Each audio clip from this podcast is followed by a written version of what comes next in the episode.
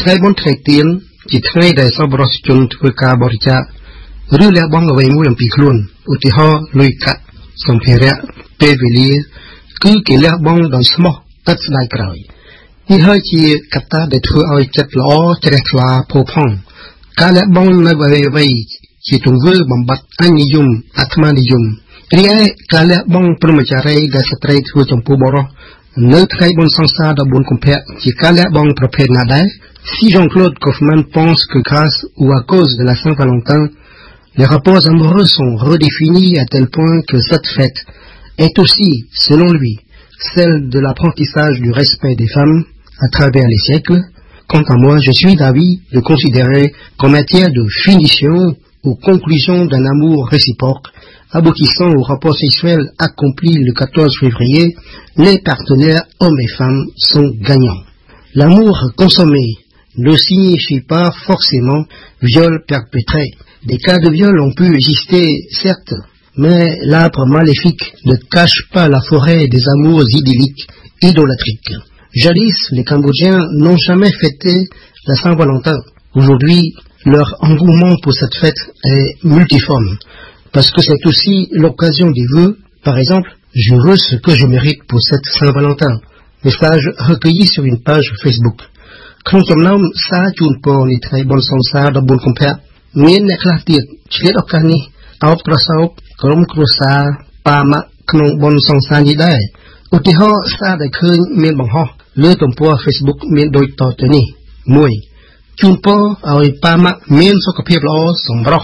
កាន់តែស្អាតកម្លាំងមាំមួនអាយុវែង2ជូនពរខ្លួនឯងនិងគ្រួសារមានសុខភាពចាកផុតពីទុក្ខលំបាកទាំងពួង3អបអរជីវានៃក្តីស្នេហាប្រកបដោយចិត្តបរិសុទ្ធជូនជនរួមឈាមទូទាំងពិភពលោក4រីករាយថ្ងៃបុណ្យនៃក្តីស្រឡាញ់ជូនពរមិត្តអ្នកអានមានសុខភាពល្អសុភមង្គលរកស៊ីមានបានកើនទ្រព្យ សុខសប្បាយគ្រប់ក្រុមគ្រួសារ Mais attention, comme disait l'arbre, le premier jour est pour l'engouement, le second pour la critique. Et c'est pareil au Cambodge s'agissant de la Saint-Valentin. Exemple, des messages critiques. Moi, dans bon compère, អ្នកណាសួរនាំរឿងផ្ការឿងកាដូប្រយ័ត្នខ្ញុំធាក់មើលមុខខ្ញុំផងចាស់ហើយគ្មានអ្នកណាឲ្យផ្កាឲ្យកាដូអីទេ 2រីករាយទីវានៃក្តីស្រឡាញ់ផ្ដល់ការបញ្ចុះតម្លៃ15%ជាមួយមនុស្សជាទីស្រឡាញ់របស់អស់លោកអ្នក3ប្រយ័ត្នថ្ងៃ14កុម្ភៈផ្កាមួយដើមផើមមួយឆ្នាំកម្មមួយជីវិត L'historien Jean-Claude Flandrin pense que, avant les fêtes de l'ours, il n'était pas rare que de jeunes hommes désignent une débauchée accusée d'avoir adopté une attitude séductrice en souriant par exemple, et il se rendait donc chez elle pour la violer. បុណ្យសង្សារនេះត្រូវបានរូបចេញពីប្រកបេតិន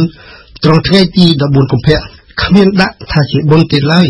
លើសតវត្សទី19ដោយហើយវាក៏អាចក្បាលមកវិញនាទសវត្ស1950ជាពិសេស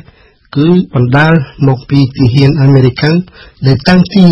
លើដីបារាំងក្រោយពីជួយច្បាំងឲ្យឈ្នះឡម៉ង់ណាស៊ីពួកទាហានចែចង់ស្ត្រីបារាំงដោយរើសយក ថ្ងៃទិញបាច់ផ្កាជូនស្រីកំណាន់របស់ពួកគេត្រូវនៅថ្ងៃទី14កុម្ភៈនេះ D'après une étude du quotidien Au Monde en 2014, près de la moitié des Cambodgiens âgés de 15 à 24 ans révélaient leur intention de coucher à la Saint-Valentin. Fin de citation. À défaut de participer à l'opération le jour le plus long, ces garçons choisiraient, selon moi, le jour qui sent bon. Parfum de fleurs oblige. Merci, chers auditeurs, d'avoir écouté. Au revoir et à bientôt.